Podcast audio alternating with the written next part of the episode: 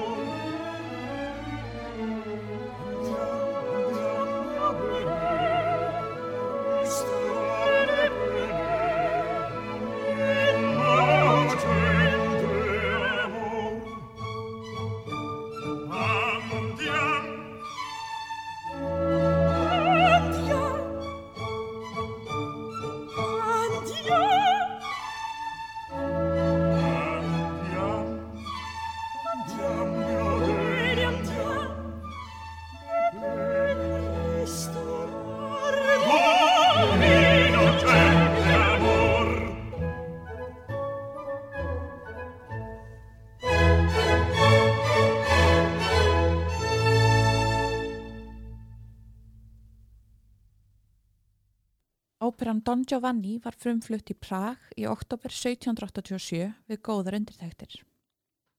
Í desember það ár rættust loksins óskir Mozarts um að fá að starfa við hyrð Jósefs annars, keisara hins heilaga rómanska ríkis. En þá var hann ráðinn sem hyrð tónskald við hyrði Jósefs. Eftir að glúk, annað virt tónskald sem áður hafi gengt þeirri stöðu, fjall frá.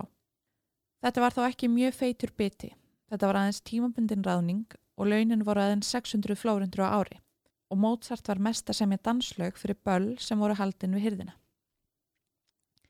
Það er margt sem bendi til þess að Mozart hefði vegnað tölvert betur ef hann hefði ekki þegið þessa stöðu, þar sem hann var orðin mjög frægur á þessum tíma og hefði eðflögs geta fengið betri gig annar staðar. Hann var svo frægur að margir ungir tónlistamenn gerðu sér ferðir sérstaklega til Vínar í vonum að kynast honum og fá að læra hjá honum. Meðal þeirra var árið 1787 hinn ungi Ludvig van Beethoven, þá 17 ára gammal. Ekki er vita hvort að þeir hafi einhvern tjóman hist. Rátt fyrir ekkert sérstök laun og einstrengingslega verkefni við hyrðina, þá var Mozart yðin við að semja á þessum tíma sem aldrei fyrr. Meðal þess að mann samti er þessi kunnulegi lagstúfur sem flestir ætti að kannast við, kallaður æne klæni naktmúsík.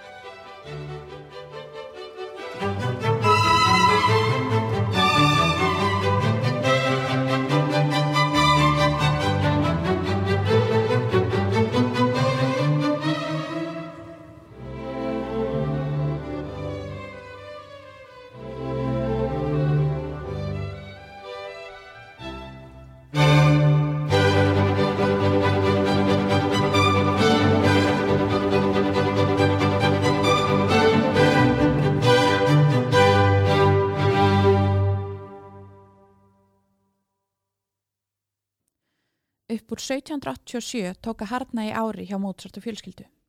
Mozart hefði hægt að halda ofinbera tónleika upp úr árinu 1786 og fekk eins og áður sagði ekki mjög há laun frá hann mjósef gamla keisara. Þess utan var það stöðugt erfiðara að afla tekna sem listamæður í Vín á þessum árum. Helsta skýringin á því er að árið 1788 braust út stríð millir heila rómanska ríkisins og ottomannaveldisins sem gerði það að verkum að lífskeiði dróðust saman í Vín og efstastjettin hafði ekki lengur efni á að styrkja listamenn jafn mikið og áður. Þetta var til þess að Mozart og Konstanza þurfti að flytja á luxusýbúðinni sinni í Vín í aðra íbúð í útkverfi borgarinnar. Mozart hafði mjög lítið á milli handana á þessum tíma og þurfti að grípa til þess ráðs að byggja vini og kunningja um lán til þess að ná endum saman. Mart bendi til þess að hann hafi verið mjög þunglindur á þessum tíma og hann samdi óvenju lítið. Mozart ákvaða að ferðast um Þískaland þvert og endilangt í vonum vinnu en hann hafi lítið upp úr því krafsi. Þetta var í fyrsta skipti sem Mozart ferðaðist án Konstansu eftir að þau gifti sig og hann skrifaði henni oft á ferðalagi sínu. Árið 1791 snýrist lukkan aftur á sveif með Mozart og fjölskyldu en þó aðeins tímabundið. Mozart og Konstanza eignuðist heilbreðan són, Frans Xavier Wolfgang um sumarið eftir að hafa mist þrjú börn á jafnmörgum árum fyrir það.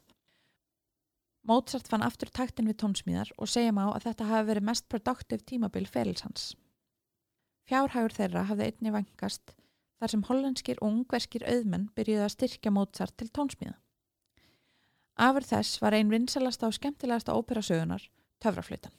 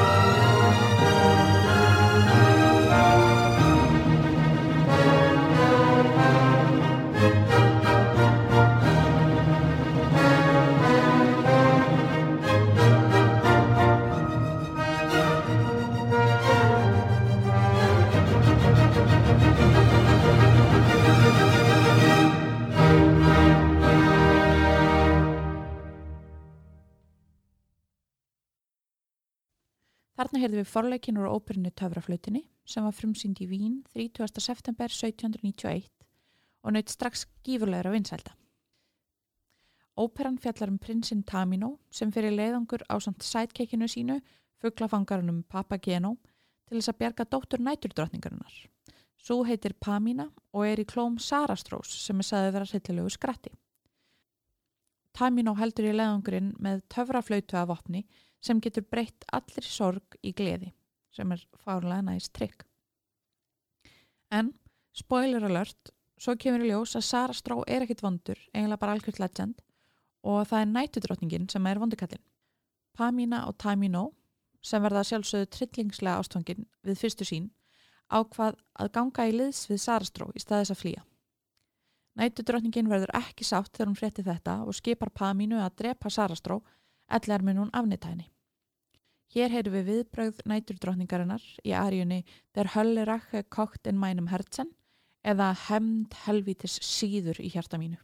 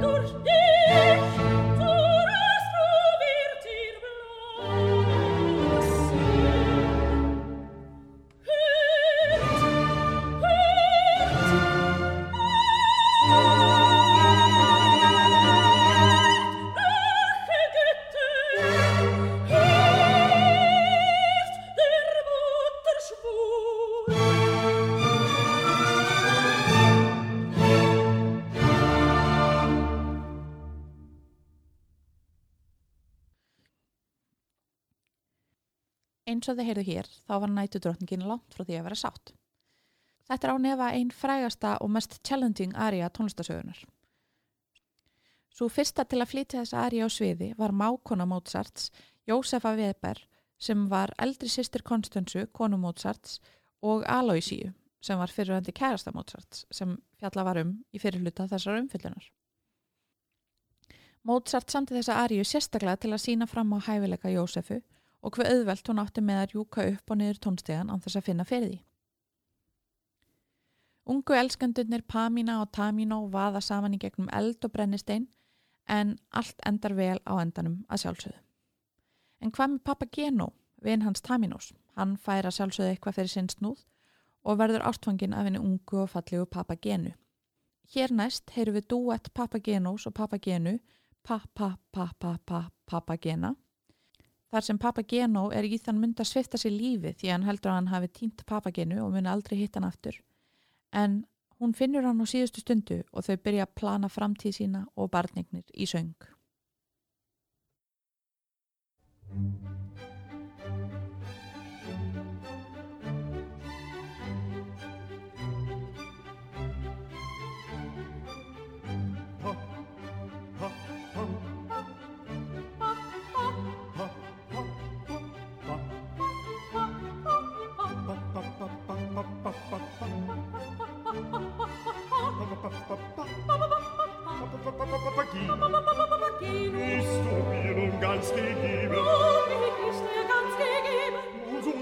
mein Liebesteufel. Nun so sei mein Herzensteufel, mein Herzensteufel, mein Herzensteufel.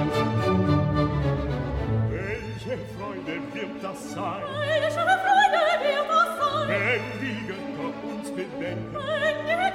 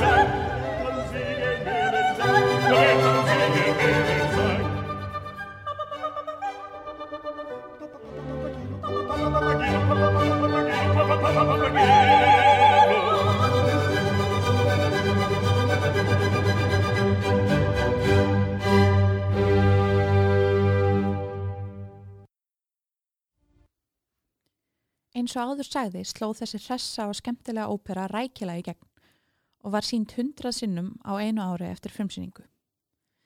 Mozart fekk hins vegar ekki að verða vitna því því tvei mánuðum eftir frumsýningu töfraflötunar var Mozart dáin.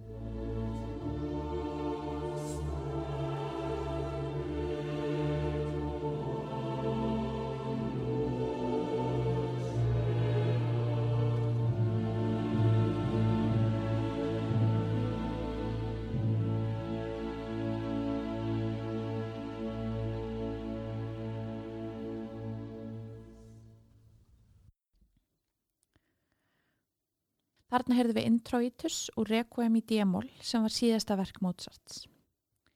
Þann 7. september 1791, rúmum þrem vikum fyrir frumsýningu á töfraflötunni, veiktist Mozart á meðan hann var á ferðalagi í Prag. Ekki er vitan ákvæmlega hvað hrjáðan, en hann hafði engan tíma til að vera veikur og helt ótröður áfram sínum daglegu störfum og var meðal annars hljómsveitastjóri á frumsýningu töfraflötunar í lók september. Það sem átti þó hug hans allan var Requiem eða Sálumessa í D-mól sem hann hefði verið beðin um að semja um sumarið. Heilsu hans rakaði hratt og 20. november var hann orðin karlægur og þjáðist af bólgum, uppkastum og miklum verkjum. Hans stærsta forgangsatriði var að ná að klára sálumessuna sem talið er að greifi að nafni Frans von Walsegg hafi pantað hjá Mozart eftir að kona hans dó aðeins 20 ára gömul en von Walsegg var sjálfur aðeins 28 ára og átti eftir að vera einhleipur þar sem eftir var æfisinnar. Hann var þó mögulega aldrei tæpur náungi þessi Walsegg. Uh, hann var mikill áhuga maður um tónsmíðar en vantaði eitthvað af þeim hæfileikum sem Mozart hafiði og er talið að hann hafi viljað kaupa Requiem á Mozart til þess að láta sem hann hafi samiða sjálfur í minningu eiginkonu sinnar. Sem betur fer gekk þetta plott ekki upp.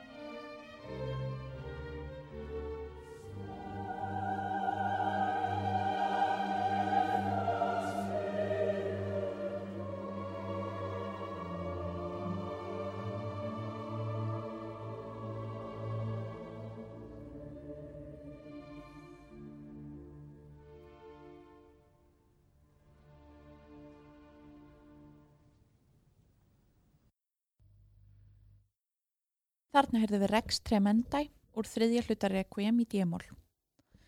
Mozart eitti öllum vökkustundum í að reyna að klára Requiem, meira segja eftir 20. november þegar hann var orðin rúmfastur vegna veikinda.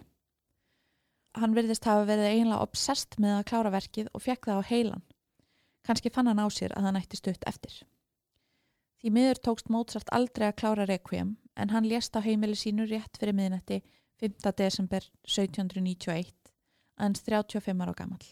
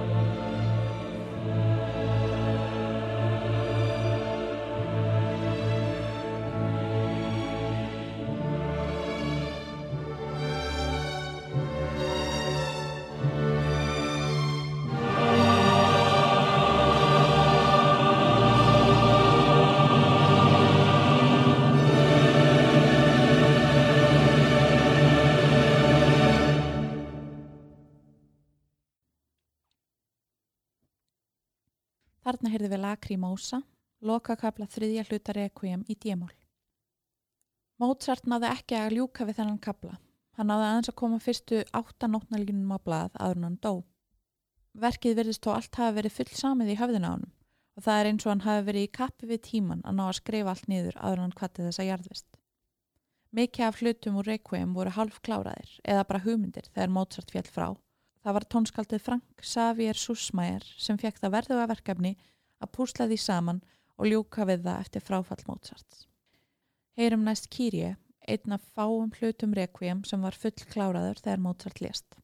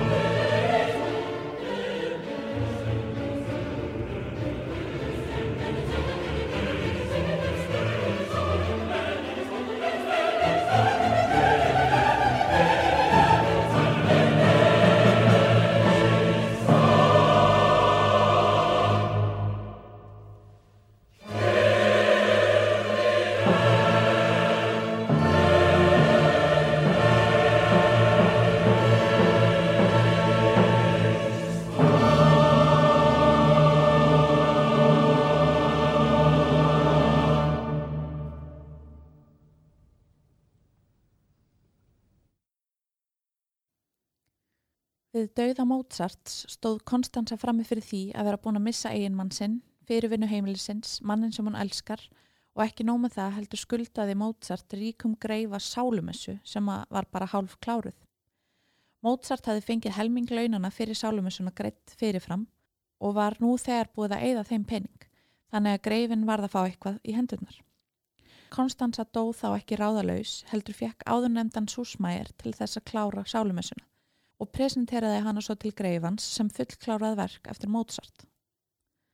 Það ríkir mikil dölúð í kringum Requiem og dauða Mozarts og eftir hann dó fóru margar sögursagnir og kreik, sumar hverjar sögur sem Konstanza dreifði til þess að halda því leindu að Mozart hefði ekki náð að klára Requiem áður en hann dó.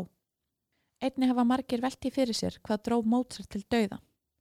Hann hafði verið mjög heilsuveld sem barn og lifði ekki mjög heilbyrðum lífstíl, drakk sennilega of mikið og var undir miklu álægi. Margar kenningar eru til um hvers vegna hann dó. Svo vinsalast af þessum kenningum sem var viðurkend lengi vel og er sveipið miklum góðsagnakendum blæ er svo að Mozart hafi verið byrlað eitur. Mozart á að hafa tekið við pöntuninni til þess að semja requiem af grímuklætum manni sem hann vissi ekki hver var. Það gerði Mozart mjög paranóiðan og Konstanza hjælti fram að Mozart hafi sagt við sig að honum hefði verið byrlað eitur og að Requiem væri fyrst og fremst sálumessa fyrir jarðaför hans sjálfs, þar sem hann var búin að sætta sig við að hann myndi deyja.